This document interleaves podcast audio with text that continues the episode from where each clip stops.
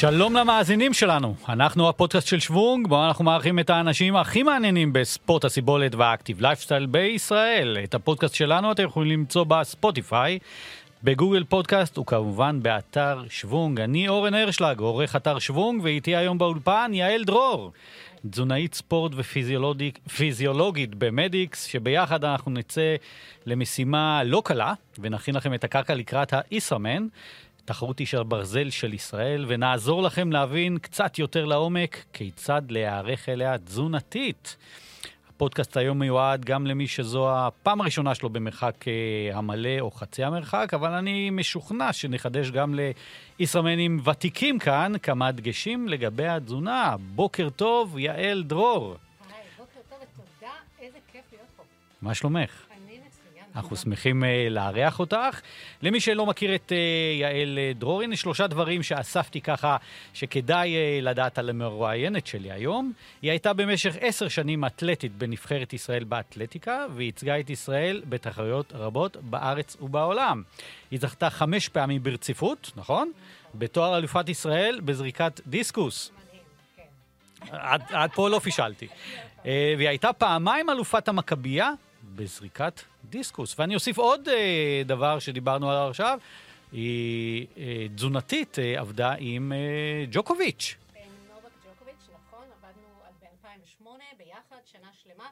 אפילו הצטרפתי אליו למחנה האימונים במונטה קרלו, אה, הייתי אצלו בבית, בקומה ה-17, הסברתי לחברה שלו דאז איך להכין לו את האוכל לפני, אחרי, אה, ממש ככה התעמקנו בנושא של התזונה. שקלתי אותו תוך כדי האימונים, כמה מים הוא מאבד, כמה הוא שוקל, ממש הייתה חוויה מדהימה, מקצועית, לעבוד איתו.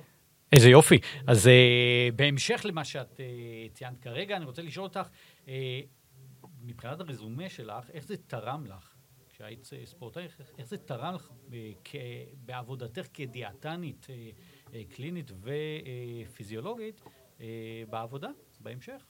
אני חושבת שזה תרם מאוד, כי להיות בצד השני של האתלט שמבצע ומבין את הקושי, שגם כאשר אתה קם בבוקר וכל השרירים כואבים, אתה עדיין מחויב לתוכנית אימונים, יש פה משהו שאתה מתייחס אחרת לתזונה. והיום גם היכולת שלי לתת דוגמאות ולהבין את... מהניסיון האישי שלך, את כן, אומרת. כן, לה- להבין גם את הקושי של האנשים. אתן לך דוגמה, הרבה פעמים אני אמליץ לכולם לאכול בננה לפני אימון, לי זה עולה. אז אני יודעת שצריך פה גם לחפש אופציות אחרות, ולפעמים התיאוריה לא מתאימה לכל אחד. אני חושבת שפה, עצם זה שאני הייתי בעצמי אתלטית, יש לי הרבה יותר רעיונות, יש לי גמישות מחשבה ולמצוא פתרונות. אה, למשל, הרבה פעמים בנושא של תחרויות, של התרגשות, אה, של נסיעות לחו"ל, של מחנות אימונים. אה, צריך פה לחשוב מחוץ לקופסה, והניסיון הוא חלק בלתי נפרד בזה. אז אני חושב שבאמת הניסיון אה, באמת עושה פה את, ה, את העבודה. אז אה, בואי ניגש למלאכה. ה lineup של הפודקאסט שלנו יעסוק כאמור באימון התזונתי, שהמתאמנים זקוקים לו לפני, בזמן ואחרי התחרות הארוכה בישראמן. אז זה הזמן להתחיל. ואני אתחיל בשאלה ראשונה שהיא סוג של אקספוזיציה לכל, ה, לכל הסיפור הזה. במה שונה האתגר התזונתי בתחרות אה, איש ברזל כמו הישראמן מתחרויות אה, ארוכות אה, אחרות? האתגר הוא כמובן השילוב של שלושה מקצועות שונים, שלכל אחד יש דרישה גופנית שונה, וגם היכולת לאכול או הדרישות של הגוף בעצם שונות בין שחייה, אנחנו לא יכולים הרי לאכול תוך כדי. יש לנו את האופניים שאנחנו במנח גוף מסוים, אנחנו יכולים בחלק הזה כן לסחוב עלינו יותר נוזלים, יותר מזון, יותר מזון מוצק, תכף נדבר על מזון טכני לעומת מזון רגיל, ואז מגיע החלק האחרון של הריצה, שהוא לא ריצה נטו מההתחלה, אלא יש פה בעצם צורך במעבר טכני מאופניים לעומס על השרירים של הרגליים. והקושי... אני אציין שהרכיבה היא מאוד מאומצת, כן. אה, להבדיל מהשחייה, שהיא דווקא אה, מאוד נוחה ב, בים סוף. אנחנו מדברים על רכיבה של חצי מרחק, או מרחק המלא, 90 או 180 קילומטר, שהיא מאוד מאומצת ברולינג הילס ובעליות וטיפוסים. אה, ורוח שלא ורוח נשכח את צד האלמנט. ורוח אה, פנים. מהמם. אה, ככה שהתזונה דווקא בקטע הזה מאוד, היא מאוד קריטית, ואנחנו נתייחס לזה בהמשך. ולכן, בהשוואה לאולטרה מרתון או, או לשחיית מים פתוחים, או השילוב בין שלושת המרכיבים השונים האלה בעצם מכניסים עוד אלמנט קושי נוסף לגוף. ולכן התכנון של התזונה הוא מאוד מאוד קריטי לפי החלקים השונים של הספורט, ולא רק לפי המרחק נטו או הזמנים, שבתיאוריה אנחנו עושים איקס זמן פעילות, אז, אז יש פה צורך אחר בלוגיסטיקה של התזונה, להתאים אותה לגוף, בתחרות. עכשיו, אני אוסיף על זה שהגוף שלי הוא לא הגוף שלך, הגוף שלך הוא לא הגוף של החבר שלי לקבוצה, זו תזונה אינדיבידואלית, אישית, שצריך לנסות אותה עוד לפני באימונים. לעשות אה, אה, אימונים על זה. נכון. וכל המלצה כזו או אחרת אה, שמישהו נותן לגבי תזונה, גם אם אתם אה, מאמצים אותה, עדיף שלא, כי באמת זה אישי, אבל גם אם אתם מאמצים, תתנסו עליה ב... על יבש, מה שנקרא, אה, ובטח לא ב... בתחרות. נכון. אנחנו, מערכת העיכול שלנו אה, פועלת בצורה מאוד שונה בזמן תחרות לעומת חיי היום-יום, ואפילו בהשוואה לאימון רגיל. גם אם אנחנו עושים אימון החלפות ארוך, אין פה את האלמנט של ההתרגשות באימון. וההתרגשות באמת משנה הרבה אלמנטים בגוף. אה, מצד אחד היא ממריצה אותנו ויש לנו יותר אדרנלין לבצע את המאמץ, מצד שני זה יכול להשפיע מאוד חזק על מערכת העיכול אה, וליצור כאבי בטן ויציאות מרובות ותחושה לא נעימה ואפילו אה, יציאות אחרות. כלומר, אנחנו צריכים להבין שהגוף שלנו עובד אחרת בתחרות מאשר באימון, ולכן לתזונה יש פה חשיבות אדירה בתמיכה ולא לקלקל, לא להפריע. היא צריכה לתת לנו את הבסיס וגם לאפשר לנו תמיכה מספיקה ושלא ייגמר לנו הכוח באמצע, כי המשך התחרות הוא ארוך מאוד.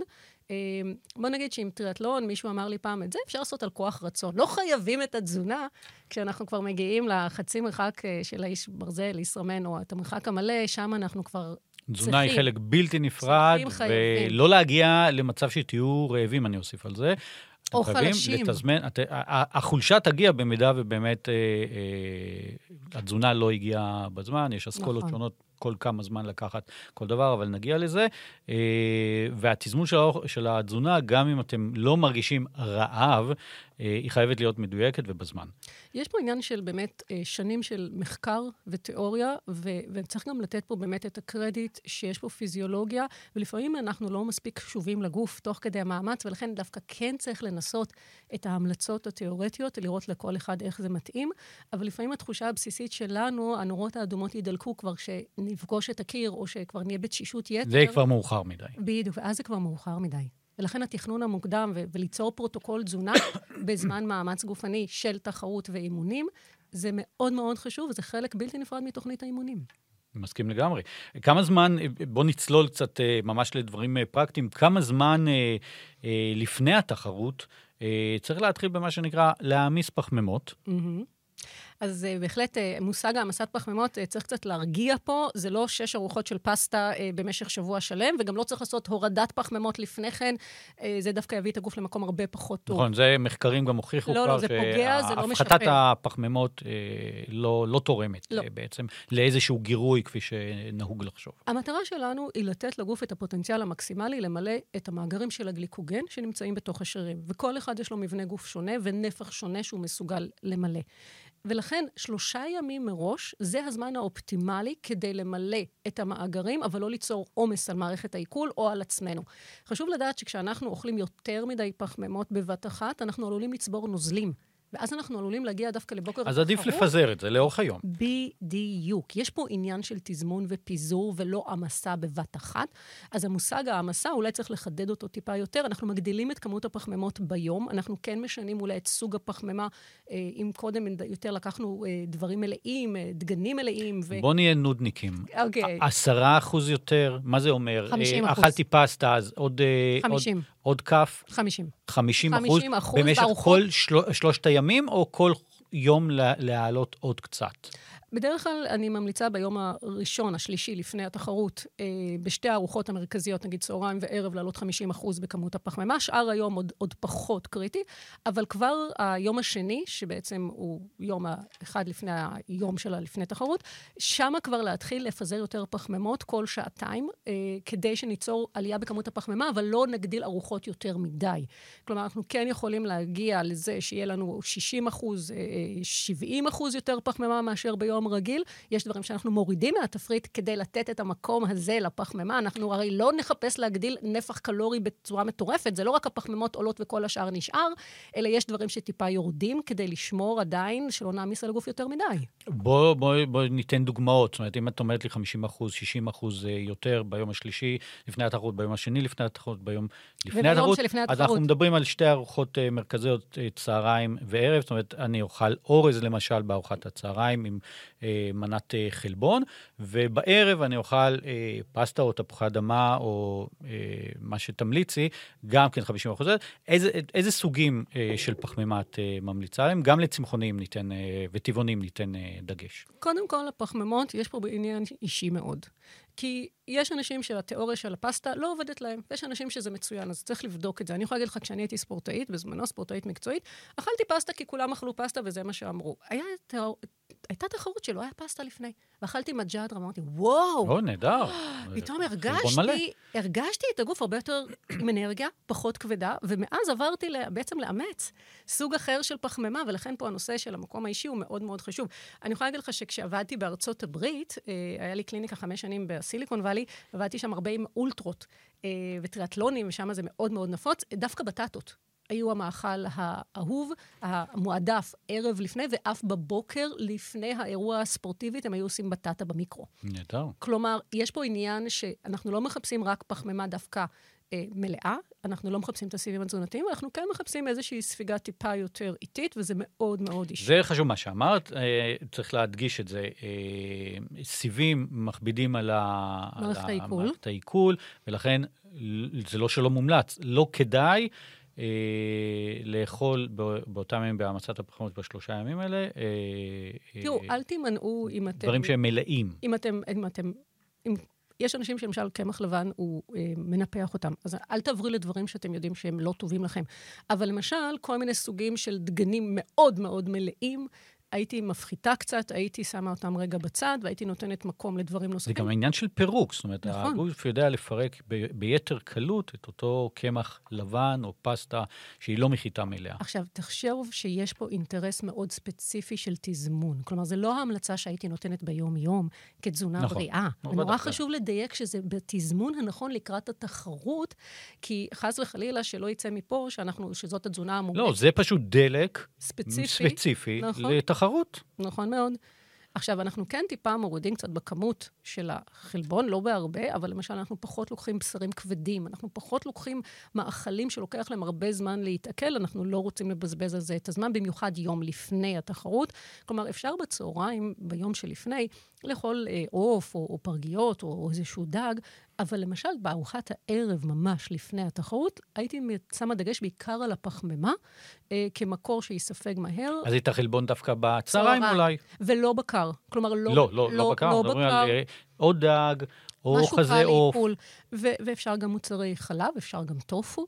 אז ו... בואי ניתן דגש באמת לצמחונים וטבעונים. אין שום בעיה לקבל חלבון מלא, כמו שלמשל אמרנו, המג'דרה, אבל דווקא את זה הייתי שמה נגיד יותר בצהריים, ולא בערב, לא הייתי שמה קטניות ערב לפני, כי לוקח להם אה, מבחינת העיכול יותר זמן, וזה יכול לגרום לנפיחויות ולכבדות. אה, אבל כן, אה, בהחלט בצהריים כן הייתי שמה את זה. אין לנו בעיה לשים דברים עם טופו, אין לנו בעיה באמת במקורות אחרים של חלבון, אבל שוב, כל אחד צריך לדעת מה עובד בשבילו.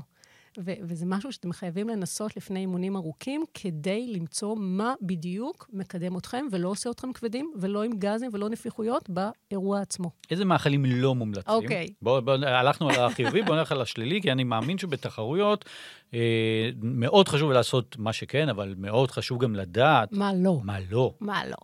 אז ככה, אה, אלמנט מאוד קריטי, ומה לא הוא במיוחד ערב לפני. אמ, שימו לב, זה לא ארוחת ערב רגילה לפני אימון ארוך. יש פה התרגשות. וההתרגשות בעצם משנה את המטאבוליזם של מערכת העיכול בלילה. ולכן, גם אם פעם לא הייתה לנו שום בעיה באמת לאכול ארוחה כבדה בערב לפני אימון ארוך, זה לא מומלץ לפני תחרות. אנחנו רוצים לתת לגוף את האפשרות גם, אתה יודע, להירדם, כי הגוף, כשהוא אוכל אוכל כבד, הרבה יותר קשה לו מבחינת כל עוד מערכת העיכול עובדת, אנחנו לא ישנים טוב. בדיוק, הוא עובד. לכן, קודם כל, ההמלצה היא, ארוחת הערב היא באזור שבע, אפילו שש וחצי, לא לדחות את זה רחוק מדי, קרוב מדי לשינה, אלא לתת מספיק זמן עיכול לפני שאתם הולכים לישון. דבר נוסף, לא אוכל חריף.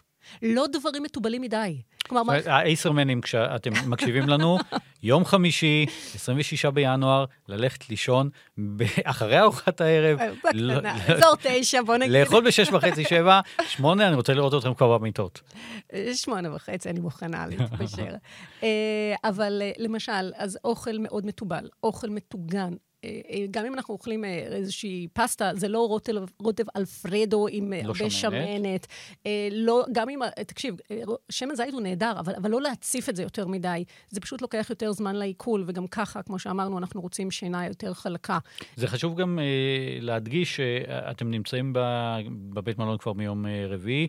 תבדקו. זה, כן, תבדקו זה לא האוכל ה... זה לא האוכל הביתית. נכון. אז צריך להיערך מראש, לראות מה יש בארוחת הערב, להבין את המרכיבים שיש בו, בטח ביום חמישי. אני חייבת להגיד לך שעבדתי עכשיו עם מישהו שהיה במרתון סיביליה, והוא סיפר לי מה הם נתנו שם במלון לפני זה, והוא אמר לי, תגידי, מה זה, הם לא הבינו שבאים פה למרתון?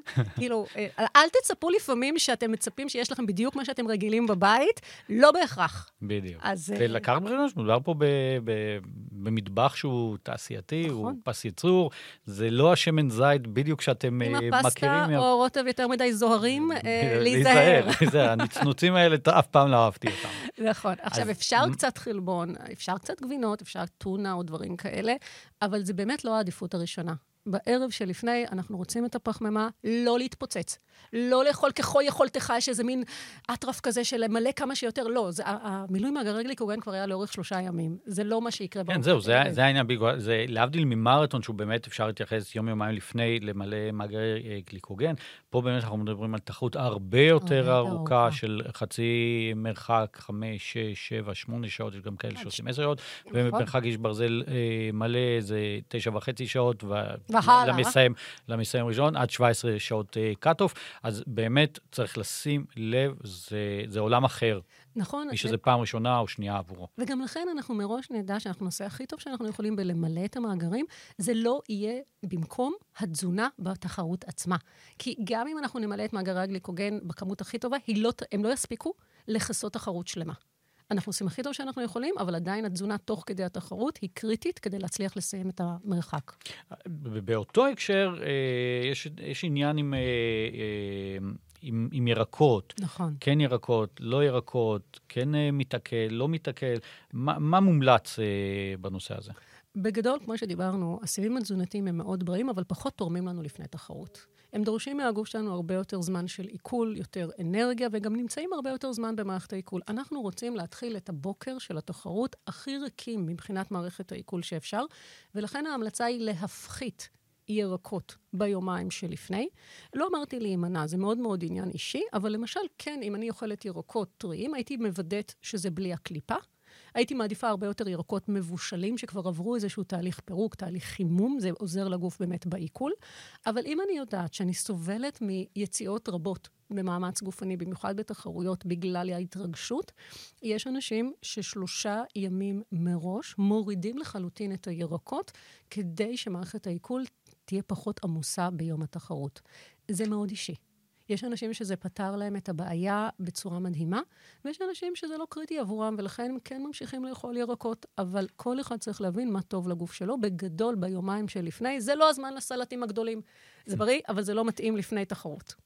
אם נגלוש לבוקר התחרות, התעוררנו ב-4 בבוקר, לדוגמה, הזינוק שלנו הוא ב-6.20 של המרחק המלא, 7.40 אה, חצי המרחק, ולאחר מכן אה, השלשות. אה, מה את ממליצה לאכול בבוקר התחרות? יפה. אז קודם כל, אנחנו בעצם מחלקים את האכילה פה לשני שלבים. יש לנו את השלב של ההתעוררות. אה, אנחנו נמצאים במלון, אני לא יודעת מה הם הולכים לספק שם, אבל אנחנו מחפשים משהו מאוד פשוט, מאוד קל, שיספג מהר. זה יכול להיות, ושוב, פה אנחנו כן מדברים על הלחם הלבן, על החלה, על, ה, על הלחמנייה, על הפיתה, כן משהו שנספג מהר. אה, בשילוב ריבה, דבש, חמאת בוטנים, משהו קל, חלבה, יש כאלה שמעדיפים. אבל יש אבל פה... חלבה וחמת בוטנים אה, שהם שומנים, הם לא קצת אה, נכון, אבל מפריעים? לכן אנחנו מספיק זמן לפני האירוע עצמו. כלומר, זה אנחנו עדיין במלון, עוד לא יצאנו בעצם, עוד יש לנו לפחות שעה, שעה וחצי, עד שנתחיל את המאמץ הגופני, ולכן יש פה עדיין זמן. גם תראה, יש כל כך הרבה אנשים שנאלצים לצרוך אה, מאכלים מתוקים תוך כדי.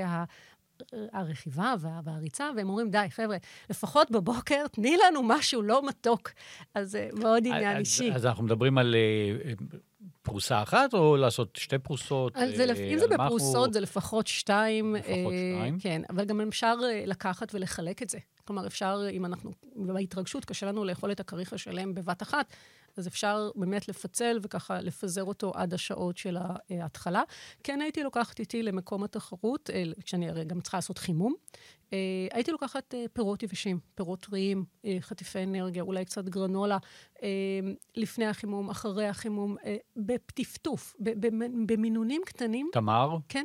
בהחלט, חמוציות, מישמיש מיובש, יש פה הרבה אפשרויות. שזה באיזה טווח זמן לפני הזינוק?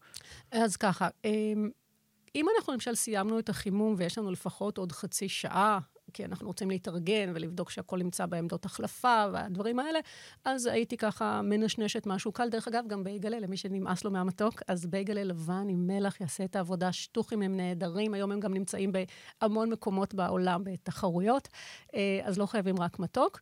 אבל הייתי כאילו שומרת ככה על הגחלת במשהו קטן. אה, יש הרבה אנשים שאוהבים עשר דקות לפני הזינוק. אה, לקחת ג'ל. או לקחת תמר, מין ספרטר כזה. זה נותן לך גם את הגלוקוז וגם נותן, ברמה המנטלית, נותן איזה שוונג. רציתי להגיד שזה הרבה יותר מנטלי מאשר אה, תכלס לתת את האנרגיה. אבל בינינו... למה? כי, כי כבר אכלנו שעה לפני זה פרוסה כפולה? אנחנו מלאים, כן. מלאים? אנחנו באמת מלאים, ו, ושוב אני אומרת פה, גם העניין של הכמויות הוא מאוד מאוד אישי. יש כאלה שיצטרכו פיתה ולא שתי פרוסות, אה, הם זקוקים ליותר, וזה בסדר. תקשיב, זה גם תלוי במבנה גוף שלנו. יש גוף קטן ויש גוף גדול, וכמות של הפחמימה היא שונה. אבל הסטארטר הזה של הג'ל הזה, או התמר, או משהו קטן שאנחנו ניקח, הוא, הוא יותר בתחושה שדאגנו לעצמנו. זה נכון שתוך עשר דקות זה נספג פחות או יותר, וזה יכול להיות בשריר ביד בתוך המאמץ הגופני, אבל אנחנו די מלאים באנרגיה, אז אם אתם לא מתחברים לזה, זה לא... מאגרי הגליקוגן מלאים. מלאים, בדיוק. גם מהארוחה של הערב, גם אה, בוקר, בוקר וגם אה, חצי שעה לפני הזינוק. איך נכון לתכנן את האוכל אה, במהלך קטע האופניים? אה, על פני 90 קילומטר, אם זה חצי ישראמן, 180 קילומטר, אם זה המרחק המלא. אנחנו יודעים שלהבדיל מתחרויות אה, אחרות, מדובר פה בתחרות אה, מאוד אה, מאומצת, טיפוסים, אמבטיות.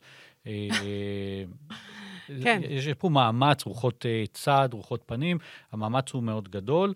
אה, מה הדגשים מבחינת אה, סוג האוכל ושילוב פחמימות וחלבון תוך כדי? אוקיי, okay, אז באמת הזמן הזה של האופניים, זה הזמן הנהדר, זה הזמן הטוב, שבו אנחנו יכולים לתת יותר דגש לתזונה. אנחנו גם כבר אחרי השחייה, אז הגוף בהחלט זקוק פה למאמץ, לתמיכה במאמץ. אנחנו גם המאמץ עצמו של האופניים, כמו שאמרת, ואני חושבת שהישראמן הוא אחד ה... בטופ 10 של כן, של הקושי. איש ברזל הקשים בעולם. כן, אה, גאווה ישראלית, אבל קשה. אה, ולכן הזמן הזה דבר, של ה... בישראל. הזמן הזה של האופניים הוא גם התמיכה במאמץ עצמו, גם הכנה אה, לשמור על האנרגיות לקראת הריצה. שאול, תזכור, אחרי זה אנחנו צריכים עוד לרוץ חצי מרתון או מרתון, זה גם לא בא בקלות. וזה זמן מאוד מאוד חשוב לתכנן לוגיסטית את האכילה.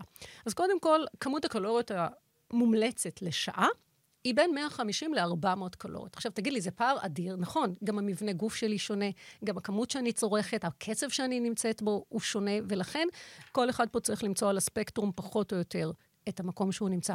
בשלב הזה של אופניים אנחנו יכולים לשלב גם חלבון וגם פחמימה, כלומר הקלוריות לא חייבות להגיע רק מהפחמימה, וכן זה... אני אז... חייב לכמת כן, את המידע בבקשה. הזה, כי, כי הוא מאוד מספרי, אבל ש, שמי שמקשיב לנו, אה, כשאנחנו מדברים על בין 150 ל-400, קחו בחשבון שבג'ל יש 100 קלוריות. נכון. זה נכון. אומר שאנחנו מדברים בין 2 לשלושה ג'לים.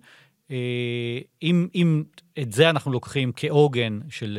אה, אל תשכח שיש לנו גם את המשקה איזוטוני. נכון, אז לא, אני נכון. רק אני רוצה שייזכר בראש מה זה, מה זה 250 קלוריות או 300 קלוריות, זה שניים וחצי, שלושה אה, ג'לים. אם אנחנו לוקחים אה, איזוטוני, אז כמובן... אה, מוסיפים את הקלוריות מוסיפים שלו. מוסיפים את הקלוריות, צריך להיות אחד על חשבון השני, לא... נכון. אה... אבל גם אני חושבת שאחד הדגשים החשובים פה זה שזמן האופניים דווקא אמור להיות אה, לעיסות. הוא דווקא הזמן שאנחנו יכולים עוד לשלב מה אוכל. מה זה אומר? מה זה אומר? אמ, אנחנו בהחלט, בתיאוריה, מעדיפים לשמור את הג'לים שנספגים מהר לשלבים היותר מאוחרים של התחרות, כאשר קשה לנו קשה. יותר ללעוס, הקואורדינציה המעיים, הזאת, בדיוק. מאוד קשה ללעוס אה, כשהמעיים מאוד עייפים. אה, עייפים. יש שם פחות דרימת דם, כלומר זה בהחלט... בואו נשאיר את הג'לים, אם אפשר, לשלבים היותר קשים. כן אפשר לשלב כמובן בין מזון לג'לים, אבל יש לנו פה הזדמנות דווקא לשלב עכשיו חלבון, מה הכוונה? אה, לא חלבון, אוכל. למשל, אם אני אה, רוצה להיעזר במזון ממש, אני יכולה לקחת קודם כל התמרים. שנותנים לי באמת... אז רגע, רגע, בוא נעשה אה. פתיח. רגע, אנחנו מדברים עכשיו על הפערים, על ההבדלים, על המשמעות בין מזון טכני, שזה אוקיי. ג'לים, איזוטונים וברים וכדומה. וסוכריות. וסוכריות, לבין אה, אוכל. מזון אמיתי. מה זה אוקיי. מזון אמיתי? אמיתי זה אה, אותו כריך. או תמר, או כן. פיתה עם שוקולד. לא, לא שוקולד, אבל כן.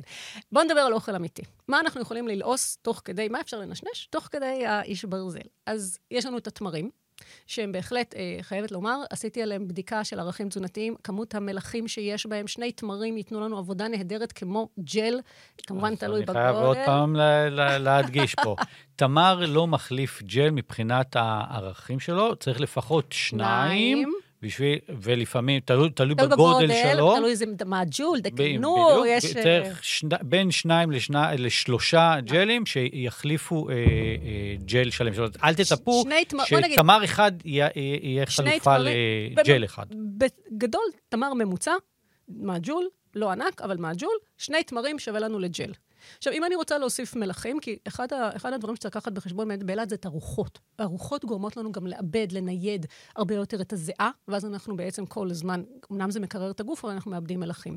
אז אה, אחד הטריקים זה לקחת למשל את התמר ולשים כמה קוביות של מלח גס בתוכו, ואני אתן לך אפילו עוד טיפ, יש כאלה ששמים כמה אה, גרגירים של טסטר צ'ויס, של הקפה. זה עוד לא אה, שמעתי. הנה, אמרתי, אני אביא פה שוס חדש, יש לי כבר כמה אנשים שניסו. אה, ואני חייבת להגיד, זה לא הקפאין, אוקיי? זה לא שזה ייתן לנו בוסט של קפה, אבל זה קצת מנטרל את המתיקות. ולכן יש אנשים שכמו שאמרנו, לפעמים המתיקות כבר, די, אי אפשר עם זה. נכון. זה, זה ממש אה, מאזן את הטעמים, אז אפשר להכין ככה את הקיטים הייתי הקטנים. כן, אז זה בהחלט נחמד. אה, מזון נוסף זה באמת לקחת את הפיתות, רבע פיתה. אה, שיכולה להיות עם ריבה, עם דבש, חמאת בוטנים, חמאה, אה, אה, טחינה וכל הדברים האלה, לא חמאה רגילה, כמובן, סליחה. אה, רבע פיתה כזאת, אה, עם, התחול, עם התכולה שלה, הזאת תהיה באזור ה-100 קלוריות, שזה מאוד, שוב פעם, זה דומה לנו לג'ל. אם אני רוצה לתת חלבון, כי במרחקים האלה אני כן צריכה לתת פה גם חלבון, אני יכולה לשים גבינה צהובה. שזה אומנם נשמע לנו, וואו, כאילו, מה זה קשור, אבל זה נותן לנו חלבון, זה נותן לנו את המלחים, ובמאמצים כאלה יש לנו זמן לספוג. כלומר, אנחנו מחפשים פה דווקא לא את הכל מהר, לא את הכל מיד, אלא אנחנו רוצים משהו שיתפרק טיפה יותר לאט. זה גם משהו שונה, זאת אומרת, מי שעושה תערוכות ערביות יודע שהגיוון הזה. הוא מעשיר את הטעם, ובאמת קשה, אה, קשה כל תחרות הזמן. כזו, רק אה, ג'ל או איזוטוני או סוכריות. אה, אתה רוצה לגוון. נכון, ואפשרויות נוספות, למשל, יש כל מיני סוגים של חטיפי אנרגיה, שאפשר לשלב, יש חטיפים שהם כ-100 קלוריות, ויש חטיפים שהם 200, 200, 300, ואז אנחנו פשוט חותכים אותם, כדי שיהיו 100 קלוריות, כדי שיהיה לנו באמת את המינון שאנחנו רוצים, כי החשיבה שלנו הרבה יותר קלה בלסדר את הקלוריות לפי 100, ובדרך כלל ההמלצה היא כל 30 דקות. גם נגיד אם באימונים אתם לוקחים כל 40-50 דקות, בגלל ההתרגשות, בגלל העומס של התחרות, אנחנו כן מחברים, מקרבים יותר, ואז אם אנחנו באמת באזור ה-200 קלוריות, זה בעצם בשעה, זה אומר שאנחנו בעצם כל חצי שעה אנחנו צריכים להכניס באזור ה-100, ואפשר לגוון בין מתוק לבין מלוח. יש כאלה שגם לוקחים חטיפי חלבון, שוב, חותכים אותם. עם מספריים, זה קשה. Uh, צריך לחתוך, ואתם צריכים כן, זה לנסות את סנק זה. על הדרך. נכון, אבל- שימו לב גם שיש חטיפים שהם 60 גרם, יש חטיפים שהם נכון. 100 גרם. ה-60 גרם מכילים כ-20-24 גרם חלבון, החטיפים של ה-100 גרם מכילים כבר 37-38 גרם חלבון. אה, שזה גם יכול לחלק. לסדר אתכם בצורה מאוד טובה, וכמו שיעל מציעה לנו, את הטיפ הזה, לחלק את זה לשניים, שלושה, ארבעה חלקים, כמה שאתם אה, נכון. רואים לנכון, ולשים אה, בפאוץ' מאחורה, ב... ב- כן. ב- בצידנית. מאחורה ב- בחולצת רכיבה. אה, אבל אני כן חייבת להגיד משהו לגבי חטיפי חלבון, הם הרבה יותר קשים ללעיסה. נכון. ואתם חייבים לנסות ולראות איזה חטיף מתאים לכם בתוך המאמץ הגופני, כי זה לא פשוט. ו- ובאמת, ה- לפעמים, גם, אתה יודע מה, זה נורא תלוי במזג האוויר, כי אם פתאום כן יהיה חם באילת, אתה לא רוצה איזשהו חטיף עם ציפוי שוקולד שימאס לך. כלומר, יש פה גם לוגיסטיקה של איפה אני שולף. ו- בהרים אני יכול להבטיח לך לא, שיהיה- שלא יהיה. שיהיה קריר, אה, שלא לומר אה, קר אה, ועם רוח פנים שמקררת. בוא ניגע גם בנושא השתייה. אוקיי. אה, כמו שציינתי, בהרים, אה, כביש 12, נטפים והלאה, אה, שני, ש, שתי הקפות למרחק המלא, הקפה אחת לחצי המרחק. אה, קר, יש רוח. אה, לעתים אנחנו לא מרגישים את הצמא. נכון. וכמו שציינת uh, מקודם, uh, ברוח יש נידוף של הזיעה, אנחנו מאבדים פה את הזיעה וזו סכנה. אז בואו נדבר מה מבחינת הרכיבה, אני שם דגש על הרכיבה כי היא באמת הקטע הארוך והקשה, אבל נתייחס גם ל, לריצה אחר כך. מבחינת שנייה, שתייה, כמה אני צריך לשתות בחצי המרחק וכמה במרחק המלא, כל כמה זמן. תראה, מצד אחד יש כלל אצבע שאומר חצי ליטר אה, על כל אה, שעה. כל שעה של מאמץ גופני, אבל זה מאוד שונה בין אנשים, וזה שונה בתנאי תחרות. כי כמו שאנחנו אומרים, אם יש פה באמת את הנושא של, ה, אה, של הרוח, אז, או אם יש עומס חום, אנחנו מגדילים את הכמות, ואז אנחנו... כן, אבל כשיש עומס חום אני צמא. נכון. כשיש רוח וקר, קל. אני לא נכון. מרגיש, אני צמא, אבל אני לא מרגיש את הצמא, וזה החשש. נכון, אז, אז המינימום הוא באמת באזור של החצי ליטר, אבל אנחנו כנראה מדברים על יותר, ובאופניים אתה עוד יכול לשתות, בריצה זה הרבה יותר קשה. אז דווקא הזמן הזה של האופניים הוא זמן נהדר אפילו להגיע ל-750, וזה גם נורא תלוי אם אתה מכיר את עצמך כאדם שמזיע.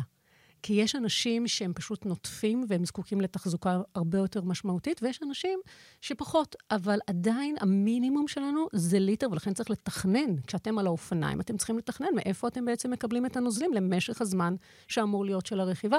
אנחנו גם לא רק משקה איזוטוני, אנחנו משלבים גם מים, לא רק את המשקאות עם התמיכה. אבל האיזוטוני יכול לשמש אותי כנוזל? הוא נוזל. כן, בוודאי, הוא בחלק מהספירה. אני מתייחס אליו כנוזל, זאת אומרת, זה לא שאני אומר רק מים זה... אה, לא, לא, לא, וחס וחלילה לא וגם. רק מים. אנחנו גם לא רוצים, אתה יודע, לדלל יותר מדי את המינרלים, שאנ... כן. כי אנחנו מזיעים, אנחנו גם מזיעים נוזלים וגם מזיעים מלחים. אנחנו צריכים את המלחים. תראה, כן אנחנו אפילו יכולים, אם אנחנו רוצים, אם יש חשש שאנחנו נאבד יותר אלקטרוליטים, כי יש אנשים שיודעים שהם מתכווצים ברגע שיש חסר של אלקטרוליטים, אז גם אפשר לתוך המים הרגילים פשוט להכניס תבליות שמכילות יותר מלחים, ואז אפילו זה לא משקה איזוטוני, כי איזוטוני זה עם הפחמימה. נכון, ואז אנחנו, כן. ואז אנחנו יכולים להכניס רק את המלחים, להוסיף אותם למים, וזה ייתן לנו עוד תמיכה. אז זה באמת מאוד אישי, ולעשות תכנון מראש לאופניים, שהשתייה תהיה טובה. אנחנו מדברים על חצי ליטר, פחות או יותר, תלוי בממוצע, באופן ל... אינדיבידואלי אישי, אה, חצי ליטר לכל שעה. שעה. מינימום, בדיוק. מצוין. אה, איך נכון לתכנן את האכילה בריצה? זאת אומרת, ציינו את הנושא של האכילה ברכיבה, איך אנחנו נתייחס לזה בריצה? תראה, אנחנו סיימנו את הרכיבה, אבל מצד שני, עכשיו יש לנו נפח מאוד משמעותי של ריצה, ואנחנו כבר עייפים.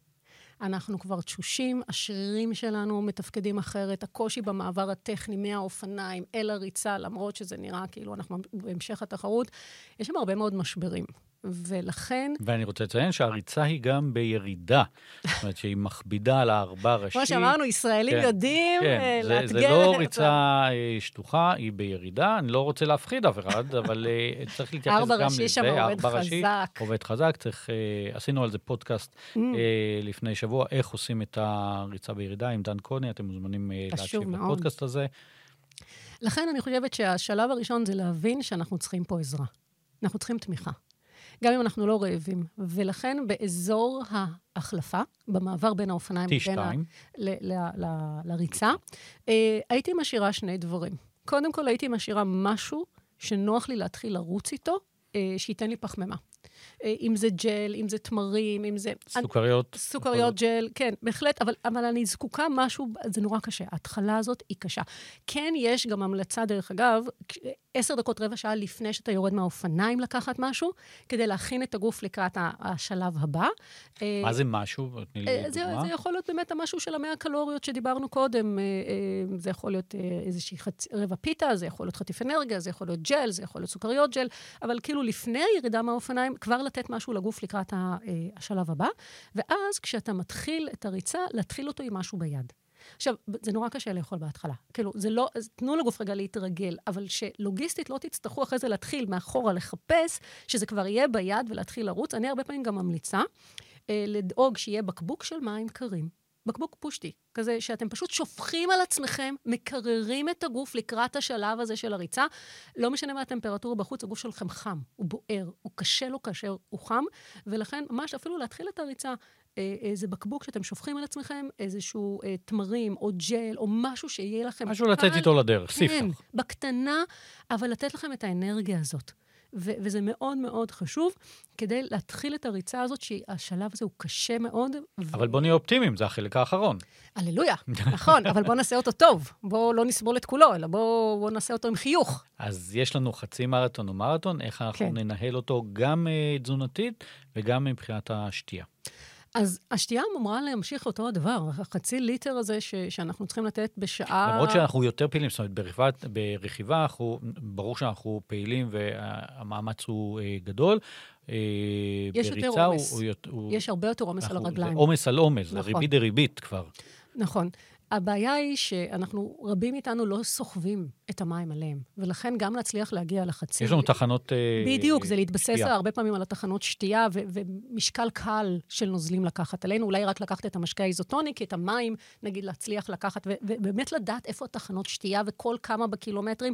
כי לפעמים אנשים אומרים לי, לא, אבל אני לא צריך כל 20-30 דקות אה, לעצור אתה לשתות. כן צריך. ואתה כן צריך, כי אתה כן הקושי צריך. פה הוא הרבה יותר גדול. אני אומר, המניעה בתחרויות אה, ארוכות, גם במרתון וגם באיש ברזל, אה, בישראמן, המניעה היא אור, אה, נר, ל, נר לרגלינו. זאת אומרת, אל תגיעו למצב של עייפות. אל, אני לא מדבר על עייפות, ברור שיש עייפות, אני מדבר על עייפות כתוצאה מזה שלא שתיתם או. לא אכלתם. זה נכון. שאתם עייפים זה ברור, זה מובן, וזה נכון וזה בסדר. אני לא מכיר איש ברזל, גם לא אלופי אה, עולם שסיימו אה, בטופ 10 של אה, קונה, אה, שהם לא עייפים. ברור שעייפים, אבל לא להגיע למצב שאתם בגירעון, גירעון נכון. תזונתי או גירעון אה, של. זה יכול לעלות לכם בתחרות. אה, זה יכול להיות אה, קיבוצי שרירים, וזה יכול להיות אה, ממש אה, מין קיר כזה ש, שפתאום רואים שחור וחייבים לעצור.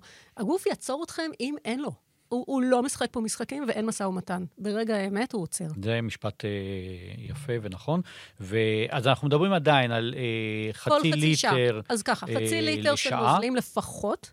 אנחנו מדברים, אה, אה, מינימום פה, הייתי אומרת, זה 200 קלוריות, שזה באמת... אה, לשעה. 100, לשעה. כל חצי שעה, מינימום 100 ג'ל. קלוריות. אבל יכול להיות שאנחנו צריכים פה אפילו אולי להוסיף סוכריות, אולי אנחנו צריכים פה תמרים, אולי... תקשיבו, הקושי פה הוא מאוד גדול, אבל גם הקושי של מערכת אני אומר. ג'ל כמטבע. לשון, אבל מהמם. זה יכול להיות סוכריות, זה יכול להיות בר, זה יכול להיות כל כן. משהו שהוא 100 קלוריות כל 30 דקות. אה, דן קוני, המאמן שסיים במקום השני בישראמן אה, אה, האחרון, אה, ציין אה, בפודקאסט שהוא לוקח כל 17 דקות. זהו, אפשר גם, יש כאלה שמרווים את זה זה. מספר ה- אה, המספר החכם. שהוא מצא, לא, לא, לא מזל, לא, אה. ממחקרים וזה, שעליו עובד אה, הכי טוב, הוא המליץ על כל 17 דקות במ- אז- במבנה גוף שלו. אז אני בהחלט יכולה להגיד לך שיש אנשים שאני מכירה שכל 20 דקות, אה, אבל זה גם מאוד אישי, כי, כי יש, ואנחנו מדברים פה עכשיו על, על ספורטאים חובבנים, וההתעסקות הזאת עם האוכל לפעמים היא קשה מדי. כלומר, היא דווקא מתישה. ולכן לפעמים עדיף נגיד להגדיל את כמות הקלוריות כל חצי שעה ל-150, טיפה יותר לאכול, ולא כל שלוש פעמים בשעה לה- להתעסק ב- ב- בקורדינציה הזאת של להוציא את האוכל וללעוס, אז יש פה עניין מאוד אישי, ולכן שוב פעם לנסות את זה בתח... באימונים, זה מאוד מאוד חשוב. אבל באמת, במקום הזה של הריצה, אנחנו כבר הרבה פחות על אוכל מוצק, אנחנו יותר מחפשים את הספיגה המהירה, את הפחות לעיסה. אנחנו צריכים שהגוף כבר יהיה מסוגל לספוג את זה הכי מהר אז שאפשר. לעבור לדברים אה, נוזליים יותר. יותר נוזליים ויותר ג'לים ויותר אה, הסוכריות, כי באמת, אנשים מספרים לי שהם כל כך מותשים, אין להם כוח ללעוס. אני ו- סיימתי את מרתון טבריה לפני שבועיים, ובסיום, כל מה שרציתי זה להקיא. זה נכון, זה, זה קשה מאוד. וזה היו שישה ג'לים, זאת אומרת, זה לא היו אה, במרחקים כאלה של איש ברזל, 12, 13, 14 שעות, זה הרבה יותר מזה, וזו כן, הייתה זה קשה. התחושה. זה קשה, ולכן אני אומרת, תשמרו דווקא לכן את הג'לים ואת המזונות האלה, הטכניים, לסוף, לשלבים שבהם אתם הכי מתקשים בללעוס, כדי שתצליחו לקבל את האנרגיה הזאת בצורה הכי מהירה אה, וזמינה לגוף. זה, זה לא קל, אה, וכן, המתיקות הזאת והמהירות והמרקם, גם הם בפני עצמם יכולים לגרום לבחילות ולהרגשה לא טובה. ואני רוצה ככה להדגיש פה נקודה, למה הרבה פעמים דווקא יש לנו הרבה יותר בחילות בריצה באיש ברזל, לעומת תחרויות אחרות. מרתון או uh, של אולטרה. וזה משהו שחייבים פה לקחת אותו בחשבון, כי אני יודעת שעבדתי עם ספורטאים שעשו גם ריצות רק וגם איש ברזל, והם אמרו, אבל איך יכול להיות שאנחנו מקיאים או מרגישים צורך להקיא דווקא בריצה, וכשאנחנו עושים רק ריצה זה לא מגיע? אז צריך לקחת בחשבון את החלק של השחייה, של ההתחלה. ובעצם אנחנו במזה, במצב מאונ... מאוזן, אופקי. מאוזן, אבל לא רק זה, אנחנו שוחים בים. יש פה את התנודות. בעצם הקיבה מקבלת את התנודות של הגלים. ולכן, יש פה משהו בתנודתיות הזאת שמוציא את הקיבה מאיזון גם בחלק של הריצה. זאת אומרת, זה משפיע משעות הבוקר ששחינו כן. ב-6.20 או 7.5, זה משפיע לאורך התחרות. יש לנו גוף אחד והוא עובר את כל המסלול ביחד איתנו. ולכן כן יכול להיות מצב... זאת אומרת, האפטר שוק של כן. אותה שחייה משפיע אה, לאורך התחרות. הקיבה עדיין יכולה להיות באיזו תנודתיות כזאת של הגלים. אה, ולכן הרבה פעמים יש הרבה יותר תחושה של בחילות ו- וצורך בלהקיא, וקושי בלקבל את המזון. בהשוואה, אם היינו עושים מרחק דומה רק בריצה, לא היה קורה לנו. היתרון ב- בישראמן הוא שהוא באמת בים אה, שהוא יחסית, ללא גלים. כן, אה, יחסית. יכול, כן, יכול להיות כן. ממש בקטנה, אבל גלים אין לנו, אז זה, זה, זה יתרון מצוין. סיימנו את, ה... אירוע. את הריצה. כן. הגענו לקו סיום, איך אני מתנהל? אני, אני, אני, אני, אני אדגיש את זה, אה, אנשים חושבים שהם סיימו את הריצה, זהו, סיימנו. הגוף אה, סגר את עצמו, נעזו, זה אפשר, אפשר עכשיו להתחיל אה, חגיגות. לא. לא, ממש התחרות לא. נגמרה, אבל התזונה של הגוף לא נגמרה, אולי רק התחילה, כי אנחנו מדברים על שיקום כרגע. מאוד חשוב.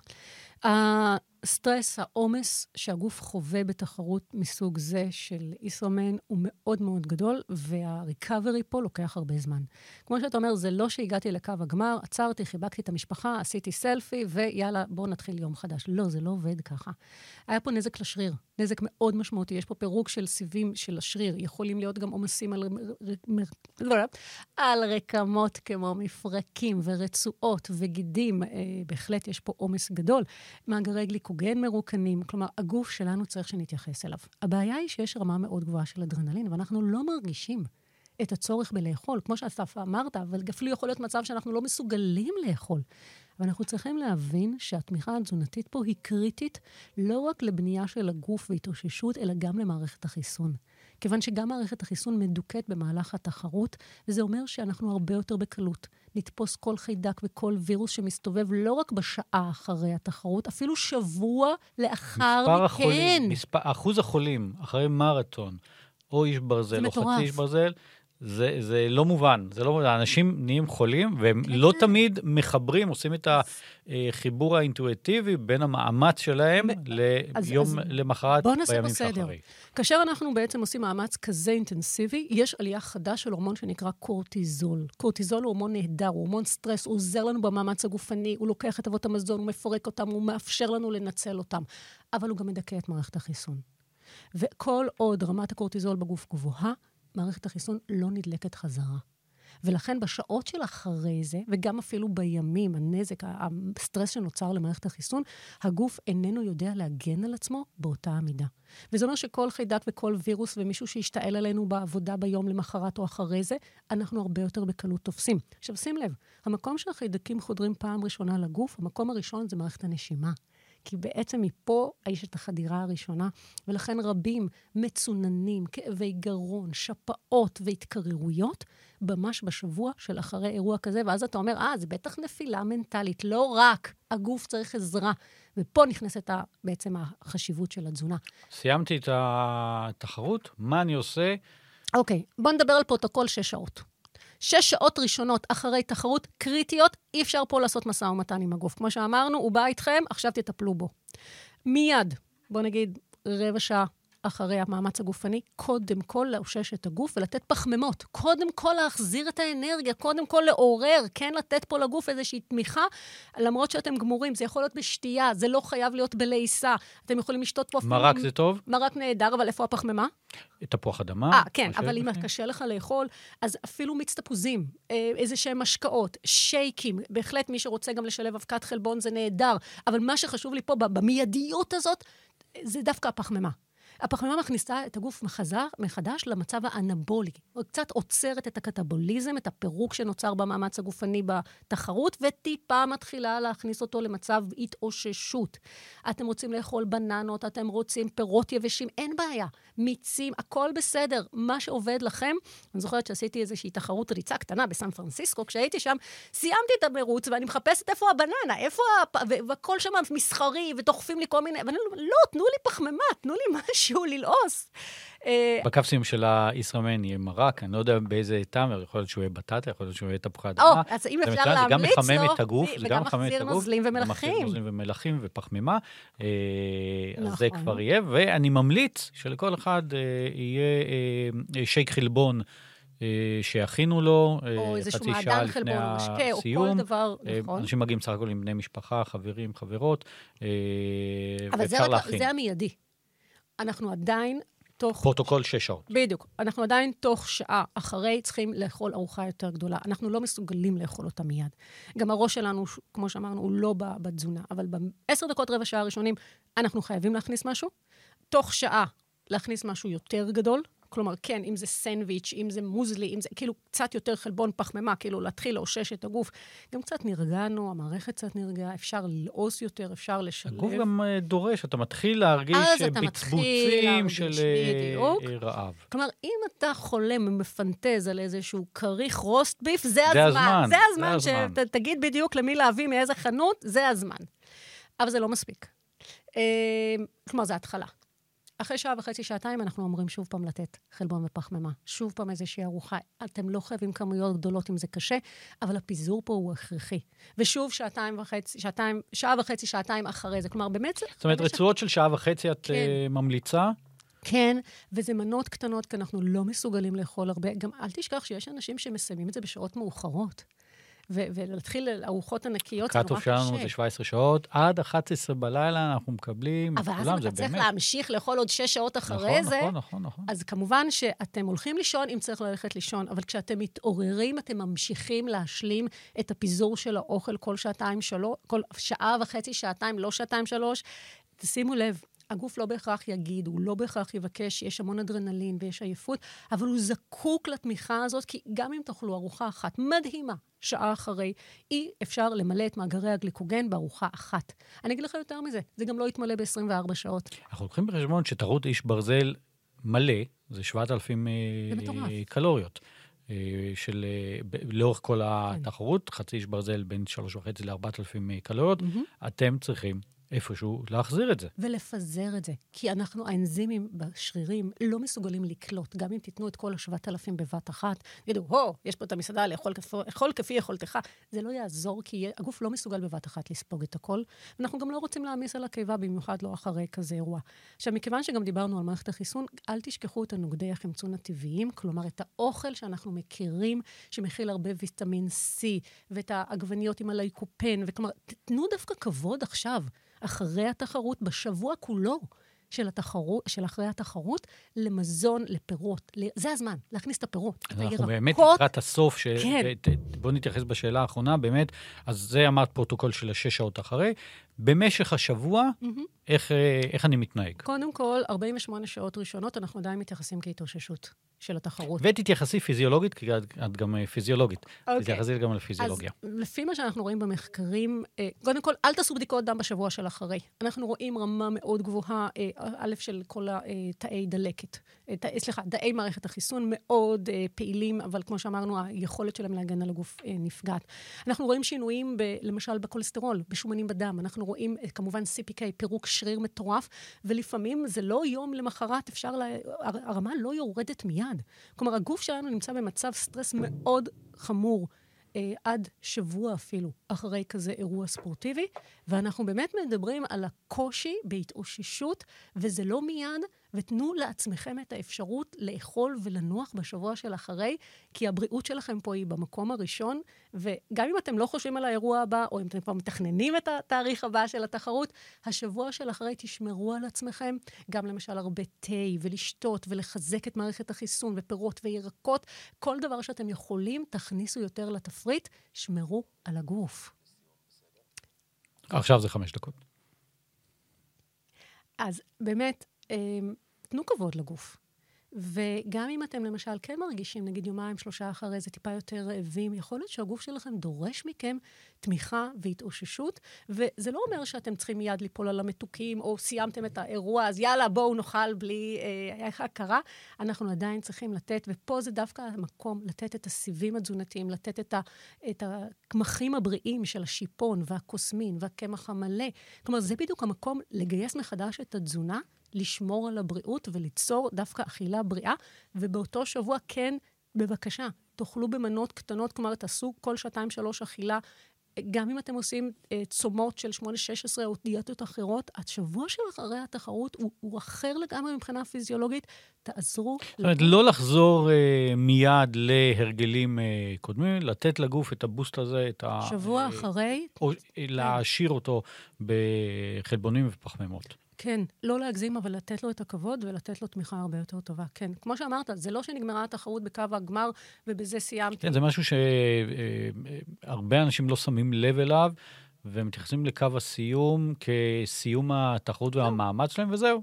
לא. חוזרים ביזנס as usual, וממש לא. לא. זה הזמן לפיצוי הגוף והמאגרים שהתרוקנו. זה חלק בלתי נפרד מהתחרות. התחרות זה ההתאוששות מהתחרות, ואנחנו מדברים באמת על השש שעות אחרי, אנחנו מדברים על 48 שעות אחרי, והסך הכל הסופי זה שבוע אחרי.